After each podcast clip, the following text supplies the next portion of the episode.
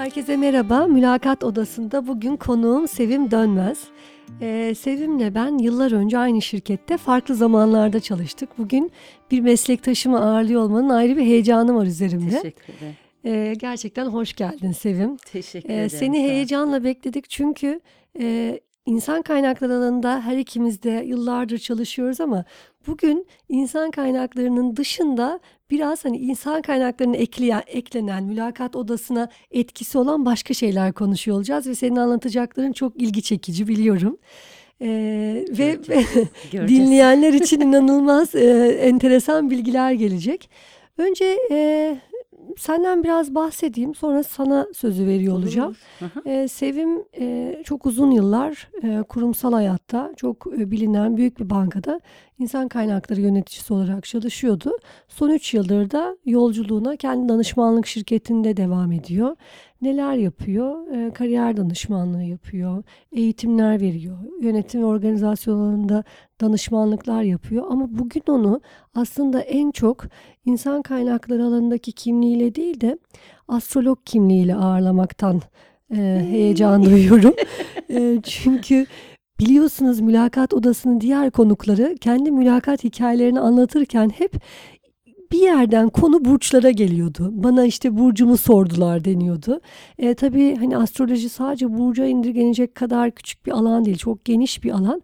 Ama biz biliyoruz ki e, her alana olduğu gibi mülakat odasına da astrolojiden sızan çok şey var. Evet, Ve bu nasıl bir bilgidir? Nasıl bizi bu kadar etkisi altına alır?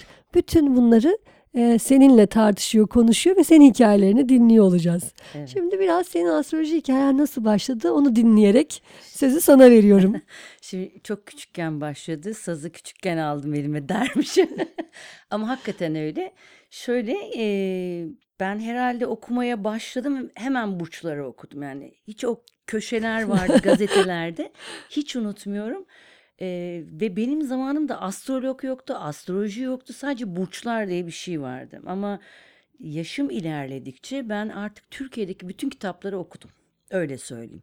Kendi haritamı çıkan bir dergi vardı, Burç dergisi diye. Onun arkasındaki böyle mektup gönderirdik. Sonra oradan gelen e, haritaları çıkartırdı o dergidekiler. Onlara bakarak kendi yıldız haritamı çıkartmıştım mesela. ne çekiyordu seni orada? Yani kendine dair gelecekle ilgili bir tahminde bulunmak mı? Şimdi aslında bunu niye yaptım ben çok düşündüm. Birincisi ben insanı çok seviyorum ve bu benim yapımda olan bir şey. İnsanı tanımayı, psikolojiyi çok seviyorum. Zaten şeyde de İK'da da öyledir. Bir yerden sonra siz başkalarını tanımaya başladıkça kendinizi tanımaya başlarsınız. Ya da kendinizi tanımaya başladıkça başkalarını tanımaya başlarsınız. Dolayısıyla bizim zaten böyle İK'daki arkadaşlarla bir test yapmıştık. Hepimizin çok yüksek çıkmıştı. Biz de dedik ki yani başkalarını tanıma, analiz etme e, yetkinliği. Dedik ki acaba bu bizde doğuştan mı var yoksa biz bu işi yap- yaptık Yapa diye yapa mi e, gelişti? gelişti bu yetkinlik? Aslına bakarsanız bu bence yumurta mı tavuk tavuk mu yumurtadan hikayesi. Ben bu yolculuğa böyle devam ederken tabii İK da hayatımın içerisine girdi. Yaş ilerledikçe, meslek sahibi oldukça ben ama astroloji hiç bırakmadım. Hep çok sevdim ve en sonunda bunu okuluna gittim. Okulunu bitirdim. Kendi kendime okudum, çalıştım, yaptım. En sonunda çalıştığım iş yerinde ben bunu doğum gününde insanlara hediye olarak yapmaya başladım. Tabii para kazanamıyorsunuz ya, profesyonel olamıyorsunuz ya. Dedim ki bari insanlara böyle herkese hediye veremiyorum. Para etmiyor. bari ben de böyle bir şey yapayım. Hem de sonra kişilerin kariyerlerini de takip etmeye başladım. Yani tabii onlar ben bir de gözünün önündeki insanlar. Aynen öyle. Mesela Güzel. geliyor iş arkadaşım, İK'daki arkadaşım işte doğum yapacak mı, yaptı mı, evlendi mi, terfi etti mi? Ben 10 yıl boyunca bunu yaptım. Bir de üst düzeylere de şöyle yaptım. Dedim ki karşılıksız hiçbir şey yapmam. Beni yemeğe götürürseniz haritanıza bakarım. Nasıl ama? Çok güzel. Peki hiç böyle gitmesini istediğin bir üst düzey yönetici ya da bir araya hani haritada görünmeyen Evet. ama manipülatif bilgiler ekledin mi? Hiç yapmadım. Yok. Çünkü benim için hem İK hem astroloji aslında teknik iki iş. Şimdi zaten e, bana hep şunu soruyorlar. Mülakat yaparken karşındakinin burcuna bakıyor musun? Hayır. Niye bakmıyorum? Ben İK'yı öğrenirken teknik tarafını öğrendim. Yani ben test yaparım, davranışları gözlemlerim, gözlemlediklerin sonucunda e, deneyimlerimi eklerim. Elle tutulur bir hale getiririm kişinin yeteneğini ve yetkinliğini.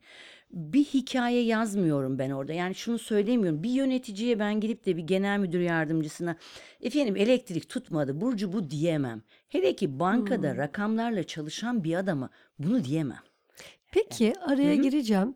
Ee, bizler tabii insan kaynakları alanında hakikaten e, çok iyi eğitimler aldık ve oradaki o e, nötr duruşu e, olabildiğince gerçekleştirmeye çalışıyoruz. Evet. Ama aslında karar verici pozisyonda olan departman müdürleri vesaire o kadar çok orada esniyorlar ki yani öyle gri alanlar var ki sen buna demiyor olsan bile hiç şeyi gözlemledin mi? Ee, o- burcundan dolayı elenen ya da tercih edilen adaylara denk geldin mi? Ee, ben onu hiç yaşamadım ama şöyle danışmanlık yaparken yani işe alım danışmanlığı yaparken beraber çalıştığımız firmada bir firmaya gittim. Ve çok büyük tesadüf yani hani bir arkadaşımla beraber gittik. Adam dedi ki ben, eleman alacağım ve e, ge- gelir misiniz? Gittik işte dedi ben e, eleman alacağım da şöyle de böyle de. Yalnız dedi ben dedi tabii siz yapamazsınız da dedi. Burçlarına göre seçmek istiyorum dedi. Bu arada beyefendi de eğitime falan gidiyormuş. Ya şöyle sonra döndüm dedim ki onu da yaparım dedim. Adam şaşırdı. Beklemiyor tabii. Nasıl yani dedim. Sonra ben kendi em, astroloji hikayemi anlattım. Yani kimlerden eğitim aldım, neler yaptım falan. Adam şok yani. E sonra tabii onu yapmadık. Çünkü o gerçekte çok detaylı e, bir şeydir. Ama şöyle değişik bir anım var. Bunu yani her zaman ben katmamaya çalışmışımdır. Yani e, astroloji ve İK'yı birbirine katmamaya çalışmışımdır ama bazen insanın içinden öyle şeyler geliyor ki bir gün bir farklı bir firmada danışman olarak çalışıyorum. Bir mühendis arkadaş geldi ve mülakat yapıyorum. Çok ciddiyiz yani böyle konu çok ciddi işte adamı çok ciddi bir yere yerleştireceğiz falan filan. Fakat dayanamıyorum çünkü doğum tarihi erkek kardeşimle aynı. Aynı yıl, aynı gün. Ve o sırada erkek Sende böyle kardeşimin görüntüler geliyor benim tabii. ve evet yani dayanamıyorum böyle ben artık böyle ve o sırada erkek kardeşimin eşi hamile ve bizim ailenin ilk çocuğu olacak. Yani kardeşlerin içerisindeki ilk, ilk çocuk olacak. Adam anlattı anlattı dinledim notlar aldım sordum falan en son dayanamadım. Ya içimden artık böyle geldi dedim ki eşiniz hamile mi dedim. Adam şok. Evet yani Şimdi bu- korkutucu bir soru. Bir şey söyleyeceğim. Ya böyle dünya markası bir yabancı firmanın e, danışmanıyım. Hani böyle e, profesyonel olmayan bir davranış be- benim için. Fakat artık dayanamadım. Adamın gözler yerinden fırladı ve döndü. Evet dedi. Nereden biliyorsunuz? Nereden biliyorsunuz dedi. Ondan sonra şimdi ben bir anda adama kendi hikayemi de anlatamadım. Ee, yani astrolojik olarak işte yay burçlarının o sırada hayatında çocuk şeyi olacak vesaire Çiftleşme gibi- dönemimiz. Ee, Ama tabii orada döndüm dedim ki ya dedim hani tahmin ettim dedim Allah. kardeşimle aynı doğum günü hani çok e, uzatmak da istemedim konuyu. Astroloji falan da katmak istemedim. Bir de devam ettim. Ailenizin de ilk çocuğu herhalde dedim. Aa bak bak Adam döndü. alamıyor da kendini. Evet dedi yani. Adam tabii eminim bunu yani her yerde hikaye olarak anlatmıştır. Yani kimse Sevim, bilmiyorum. bu kadar herkes de uyuyor mu yani böyle birbirine benzer hikayeler oluyor mu ya? Çok enteresan değil mi bu? E tabii çünkü burçlar e, aynı dönemde benzer etkileri yaşıyorlar. Ama tabii ki hepimizin haritası birbirinden çok farklı. Yine bu bana gelen sorulardan biridir. Kendi burcumu mu, yükselen burcumu mu okuyayım mesela? Bir de ne bileyim ay burcu var, yok gölge Tabii. burcu var. Ben hiç Tabii. anlamadım bu işi. Yani Ama sonuçta genelleme yaptığımızda kendi burcun ve yükselen burcun çok önemli. yükselen burç dediğimiz bizim saat değil mi? Doğduğumuz saat. Aynen. E onu tam saat. hatırlamıyor. Mesela benim annem hatırlamıyor onu. Ne olacak? Ben böyle kimsesiz mi kalacağım? Yok hayır. Atıyor gibi geliyor annemin bana söylediği saatler. E, şimdi Kuşluk vakti ne mesela tam saat olarak neye denk gelir? bir de sabah sabah ezanı var. Onu da söyleyeyim. Sabah ezanı. Ondan sonra akşam ezanı. Eskiler genelde ezana göre Evet. saati belirliyorlar ya. Şimdi orada bir teknik var ama ben bir astrolog olarak o tekniği kullanmam. Ne yaparım? E, tahmini bir saat varsa kişinin görüntüsüne bakarım. Prezentasyonuna. Çünkü yükselen burç bizim dışarıya gösterdiğimiz yüzümüzdür. Mesela Öyle yükselen mi? tabii. Mesela yükselen oğlak dediğimde e, kemikli bir görüntü beklerim. Şişman olmaz mesela oğlaklar. Daha kemikli bir yapıya sahip olurlar. Mesela bir yükselen boğa olduğunda daha etine dolgun e, biri çok olur. ilginç. Dolayısıyla e, o saat aralığında zaten 2-3 burç yükseliyordur. Bir aralık varsa onu genellikle e, fiziksel özelliklerine bakarak değerlendiririm. Ve farklı bir teknik vardır. Onu da e, tam derecesini de sıfır derece dediğim bir teknik var. Şimdi oraya girmeyeyim hani o çok e, teknik bir şey. Ona bakarak yaparım. Peki senin kendi geçmiş mülakat anılarını düşündüğünde yani sen bir işe başvuruyorsun, mülakata gidiyorsun ve e, bir de öyle cebinde astroloji bilgisi var. Karşında da birebir çalışacağın yönetici var. Evet. Hiç böyle bir hatırladığın, seni tutan ya da iten bir anın var mı? İşin içine astrolojinin girdiği. E, Şimdi işin içine astrolojinin girdiği şöyle e, bu hem date'lerde oluyor hem de Ha, iş onları görüşü. da dinleyelim bak daha daha heyecanlı. Şöyle mesela ben e, görüşmelerde çok korkunç bir anım var. Onu bir anlatacağım ama astrolojiyle ilgili değil ama astrolojinin iş hayatımdaki yansımasını şöyle anlatayım. Ben bankaya girerken görüşmeyi yaptım. Aslında çok da çalışmak istediğim bir yer değildi. Çünkü ben danışmanlıkta çalıştığım için daha özgür ortamlarda çalıştım. Ee, daha önce de bir e, teknoloji firmasında çalışmıştım kurumsal. Orası da teknoloji olduğu için Orası da daha rahat, esnektir, tabii. esnek bir yer. Fakat bankacılık sektörü, finans çok e, kuralları belli ve ciddi bir e, ortam. Çok kısıtlı hareket alanınız var. İnisiyatif kullanamıyorsunuz. O yüzden çalışmak istemedim ben. İlk önce görüşmeye de ilk gitmedim. İki, bir arkadaşım orada ısrar etti.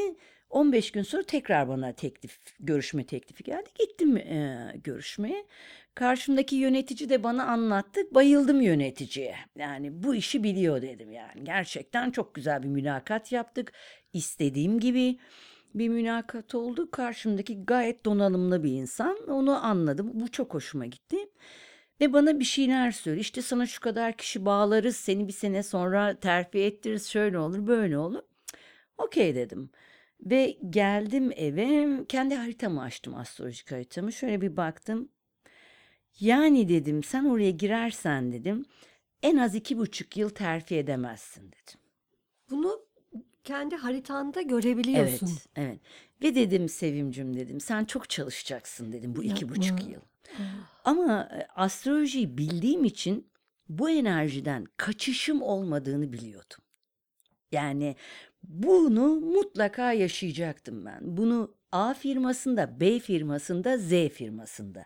Hiç fark etmez. He, anladım. Yani bu senin başına gelecek olan şey o gün o banka için de geçerli olabilir. Bunu Evet. tercih etmezsen başvuracağın bir tekstil yerde. firması olsa aynı şey Aynı orada şeyi da. yaşayacaksın. Ya da hiçbir yerde çalışmasan evinin içinde bir şey olacak Aynen ve öyle. e, bir meşguliyet doğacak. Aynen Hmm. öyle. Yani o deneyimi yaşamak zorundaydım ben. Çünkü benim bir sonraki gelişimim için onu yaşamam gerekiyordu. Ve hakikaten de öyle oldu. Bana işte dedi ki sana dört kişi bağlayacağım. Ben de işte tabii şöyle düşünüyorum. Ya dört kişi bağlanırsa o mis Ben gibi. ne- Ben bana hiç düşmez. yatarım. O sen onu yap sen onu yap. sen onu yap. ben girdim. Keşke. İnanır mısınız bir ay sonra mıydı neydi? Bir anda inanılmaz bir iş hacmi Ee, ve ben bir yıl hiç durmadan çalıştım. Her gün fazla mesai. Of. Çok ciddi söylüyorum. Her gün fazla mesai. Ben ve birlikte çalıştım arkadaşlarımız hepimiz. Ve hakikaten bir yıl sonra terfi edemedim ben. Kriz oldu. Terfi edemedim. Ve sonra dedim ki işten çok istifa etmek istediğim zamanlar oldu. Ama dedim ki Sevim sen bunu burada yaşamazsan başka yerde yaşayacaksın. Bari buraya alışmışsın. He. Evine yakın. Evime de çok yakın. Yürüyerek gidiyordum. Yürüyerek gidip geliyorsun. E marka iyi, eş ön. E sen devam et bari yani. Yani eninde sonunda bu azap çekilecek. Ve hakikaten hakikaten de çok doğru bir karar vermişim. Ve e, evet gerçekten iki buçuk sene en sonunda terfi ettim ben. Çok Ee, enteresan ve ya. ya gerçekten ve terfi edeceğim seneyi de biliyordum. Yani dedim ki ben bu sene terfi edeceğim. Çünkü o seneki haritamda onu gördüm. Terfimizi de biz artık o kadar e, umudu kesmiştik ki kriz falan hani artık terfi edilmez hani bu sistem böyle gider diye düşünüyorduk. Sonra o zamanki yöneticimiz işte bir karar verdi ve bizi terfi ettirdi. Senin eee, hatırlıyorum böyle bir buçuk iki sene falan oldu herhalde. Eee, bana hatırlarsan e, tabii yani sen birçok kişiyle e, o haritaları çalışıyorsun ama bana gönderdiğin kayıt birebir çıktı. Yani ne söylediysen, hangi zaman aralığında çok ne sevindim. söylediysen ki tam bir karar aşamasındaydım ben kariyerimle ilgili. Ee, ama kendi kendime şunu düşünmüştüm mesela dinledikten sonra. Diyelim ki bu senin için geçerli değil sadece. Diyelim ki biri bana kariyer yolculuğunda ya da işte özel hayatımdaki hikayede olumsuz bir şey söyledi. Ben ona kendimce bir direniş sergiliyorum. Yani diyorum ki bu Evet. kötüyü aklımda tutmak zorunda değilim. Bu zaten olmak zorunda da değil, olmaz e, diye hani tamamen bağlanmıyorum aldığım bilgiye. Evet. E, ve şunu anlamak için soruyorum şimdi sana. Hı hı. Bu yaklaşım e, bana ne getirir? Yani bu şu mu? Hayır, o yaşayacağın şey yaşayacaksın ve ben sana onun ha- yıldızında, Hı hı. haritanda görüyorum. Tam terimleri doğru kullanamıyorum. Yo, Kusura hiç bakma. önemli değil. Bilmediğim bir alan. E, ama e, o bahsettiğim şey belki o zorluk, olumsuz diye nitelendirdiğim şey ya da işte tıkanıklık. E, sen onu reddettiğinde e, gerçekleşmeyecek değil, sadece belki etkisini daha hafif hissedeceksin gibi olabiliyor mu? Yani e, Hı hı. soruyu sorabildim mi bilmiyorum ama e, şundan hep kaçınıyorum hayatımın her alanında. Olumsuz bir şey, geleceğe dair olumsuz bir ön, e, bir tahminde bulunulduğunda ben o Hı hı. bilgiyi e, kayıt altına almak istemiyorum. Evet. Eee, ama bundan kaçış yok. Hmm. Yani bunu mesela en güncel haliyle koronada anlatabilirim. Biz 2000 Hmm. çoğu astrolog 2019'da hepimiz 2020'de değişim yılı olduğunu ve zorluklar çekileceğini söyledik ve hepimiz zorluk çektik. Yani ben de çektim, Hmm. sen de çektin, herkes çekti. Fakat bu zorluktan sonra ben buna şey diyorum, eee, fırtına zamanı. Bunlar bizim hayatımızdaki fırtına zamanları. Bu fırtına zamanında biz kendimizi limanımıza çekip korumaya alıp bu fırtınanın geçmesini beklerken kendimize yatırım yaparsak elbet bir gün bu fırtına bitecektir. Yani bu senin iş hayatında da fırtınalarımız Hmm. var. Kötü dediğin şey senin aslında o fırtına zamanları. Evet, Herkesin ben de onu işte var. doğru. Yani ben de onu dilde değiştiriyorum. Ben onu kötü kötü olarak yaşamak ve kötü bir şey olacak gibi e, karamsarlığa kapılıp hareketsiz kalmak yerine e, Evet. arkaya itip önüme bakıp olumluya çevirdiğim için belki de kötüyü kötü diye hatırlamıyorum. Evet. Belki yaşıyorum o zorluğu ama hatırlamıyorum. Evet, zaten doğrusu bu. Doğru yapıyorsun yani sen. Çünkü kötü diye bir şey yok. Yaşanan her şey bizim deneyimimiz. Yani benim için Doğru. kötü bir şey değil. Ben korona ile ilgili mesela e, sana bahsettim bu şeyden önce. Tam koronadan önce ben üniversite sınavına girmiştim ama okuyayım mı okumayayım mı bilmiyorum eee, şey. Öylesine bir gireyim kendimi göreyim dedim. Nasılsa emekli oldum. Hani kendi firmam, işim, her şeyim çok güzel gidiyor. Arada boş zamanlarımda böyle bilgi alayım diye e, düşünmüştüm ama mecbur değildim okumaya yani. Öyle bir şeydi. Ve korona geldiğinde e, ben limana çekildiğimde bunu kötü bir şey olarak algılamadım. Dedim ki Sevin bu senin deneyimin. Dünya ile beraber bir şey öğreniyorsun burada. O zaman limana çekil ve bu limanda bir daha açılacağın zaman hedefine varmak için, gideceğin yolda ilerlemek için kendine bir şeyler ekle. Çok Ee, güzel. gemini yenile. Ben de ne yaptım? Kendimi çektim ve üniversite sınavında bir yer kazandım. Mütercim tercümanlık. Şu anda onu okuyorum. Çok 3 güzel. aydır kendimi Bir de nasıl güzel bir döneme denk gelmiş Evet, online'da da. evet, evdeyim. İnanın hiç boş zamanım yok.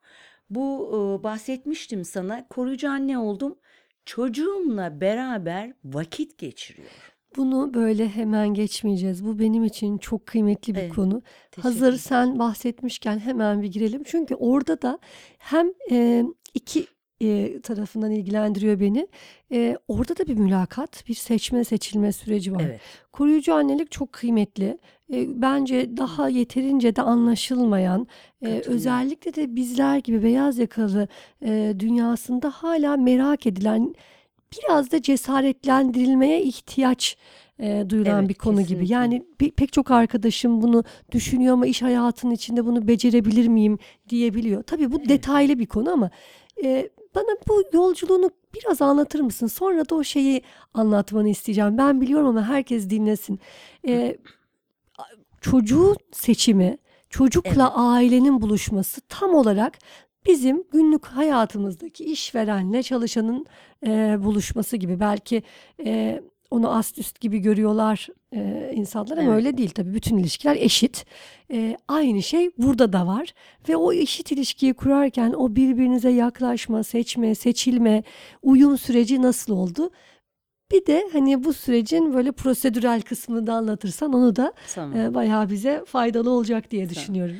Şimdi ben benim hiç çocuğum olmadı. Ben çok da çocuk şeyi olmadım açıkçası. Tipik beyaz yakalı hep çok çalıştım.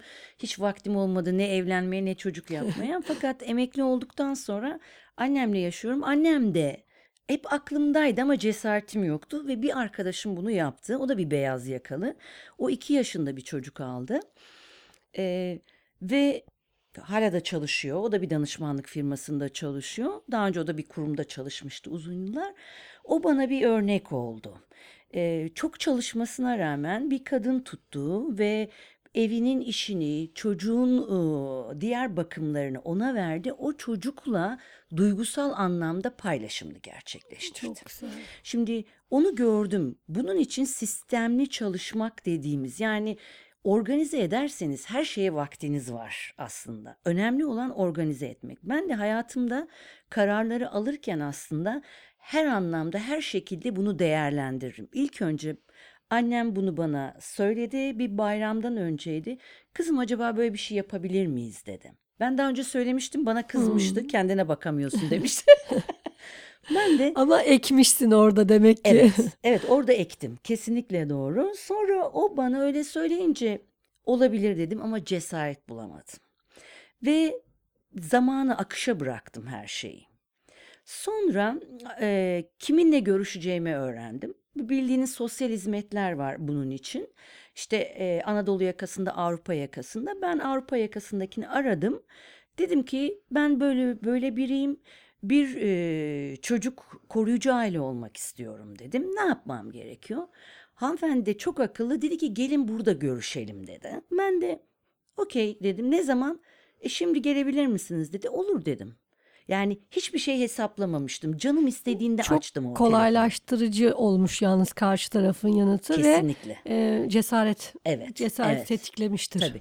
Onlar zaten Güzel. yani bu işi yaptıysam ben sosyal hizmetlerdeki e, arkadaşların e, yardımlarıyla yaptım. Çok destek oldular. Onu kesinlikle söylemem lazım. Kişisel destekleri yani işin haricinde bu tür işler sen de bilirsin. İnsanla uğraşılan işlerde tekniğin üstüne duyguyu koymak zorundasınız. Yani Evet. e, şey gibi bu sayısal işlemler gibi değil. Burada e, Sevim'in de eli değmeli, Nuran'ın da eli değmeli, ellerimiz değmeli, duygularımız değmeli. E, insanla yaptığımız her işte öyle. Dolayısıyla orada çalışan insanlar da normal 9-18 çalışma saatlerinin haricinde çok dokundular. Gece 12'de de arayabildim onları. Bu harika. Yani bir de bunu devletin böyle bir şey sağlıyor olduğunu bilmek, Kesinlikle. duymak harika bir şey. Evet, evet. Yani Biraz çünkü negatifiz biz ya oraya. Yani evet. e, hakikaten çok uzun yıllardır askerle başlayan ve hani çok çok değişik siyasi örüntülerle giden devletin çeşitli kurumlarına karşı bazen haklı bazen haksız çok negatif bir tutumumuz var. Kesinlikle. Olmaz işler, dönmez, yapılmaz, iş yokuşa sürülür gibi geliyor ama Geliyor. senin a- anlattığın hadi hemen gel acayip kolaylaştırıcı bir davet. Tabii, tabii. Bu, bu biraz tabii diyorum ya kişisel bir dokunuştu aslında. Sonra oraya gittim ben. E, Ama sudan çıkmış şey gibiyim ben balık gibiyim böyle. Ne yapacağımı bilmiyorum. Hiçbir şey aklımda yok. Tamamen akışta gidiyorum. Bir beyefendi e, geldi Fatih Bey. E, oturdu karşıma. Ne istiyorsunuz? dedi. Anlattım. Dedim ben böyle böyleyim. İşte emekli oldum. Kendi danışmanlığım var. Astroloji yapıyorum. Şunu yapıyorum açık oldum bir kere bu mülakatlarda da benim çok dikkat ettiğim bir şeydir Hmm. karşımdaki kişinin açık olması benim için en doğru şeydir. Çünkü saklamamız gereken bir şey yok. Çünkü biz orada mülakatlarda uzun soluklu bir ilişki kurmak istiyoruz. Yani ben öyle yapmak istiyorum.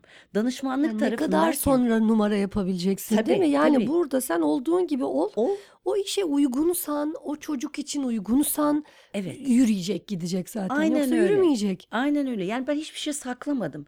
Kendimle ilgili, duygularımla ilgili tabii ki saklamadım derken kaba olmadım ya da böyle efendim ben de şöyle bilmem ne diye böyle bazı şeyleri de abartmadım. Normal insan gibi kendimi anlattım. Anlattım ki karşımdaki kişi bana uygun olanı bulabilsin. Ee, sonra bana şeyi sordu. Erkek mi kız mı istersiniz dedi. Şimdi bana garip geldi çünkü ben Hmm. cinsiyetçi biri değilimdir.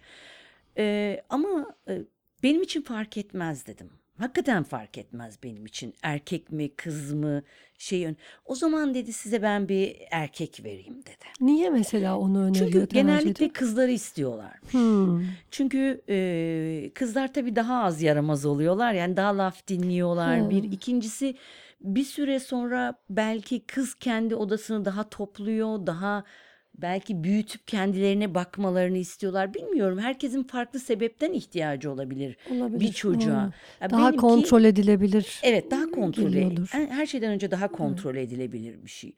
Ee, dolayısıyla erkek çocuk özellikle de yaşı büyük olan çocuğu çok istemiyor.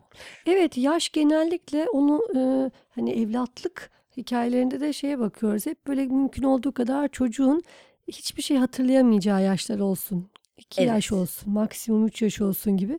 Senin Evet. oğlun 9 yaşında.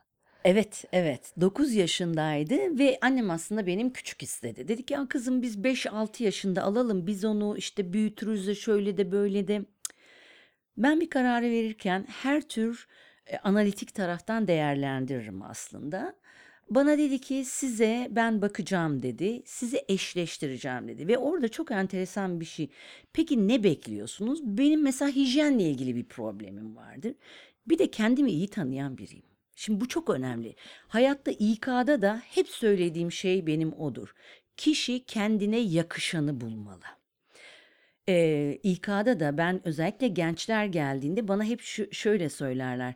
İşte ben şucu olmak istiyorum, ben bucu olmak Hmm. istiyorum. Ya arkadaşım derim. Şimdi ben Brad Pitt'i çok beğeniyorum. Brad Pitt benle gelse ve evlenmek istese, ben de onunla evlensem ve sabah ben Brad Pitt'in alkolik olduğunu bilsem, hijyenine dikkat etmediğini bilsem mutlu olur muyum? Hayır olmam. Şimdi Alkol problemi var mıymış bu e, arada? varmış vallahi Ne öyle diyorsun? okudum. Hadi hijyeni idare edelim de.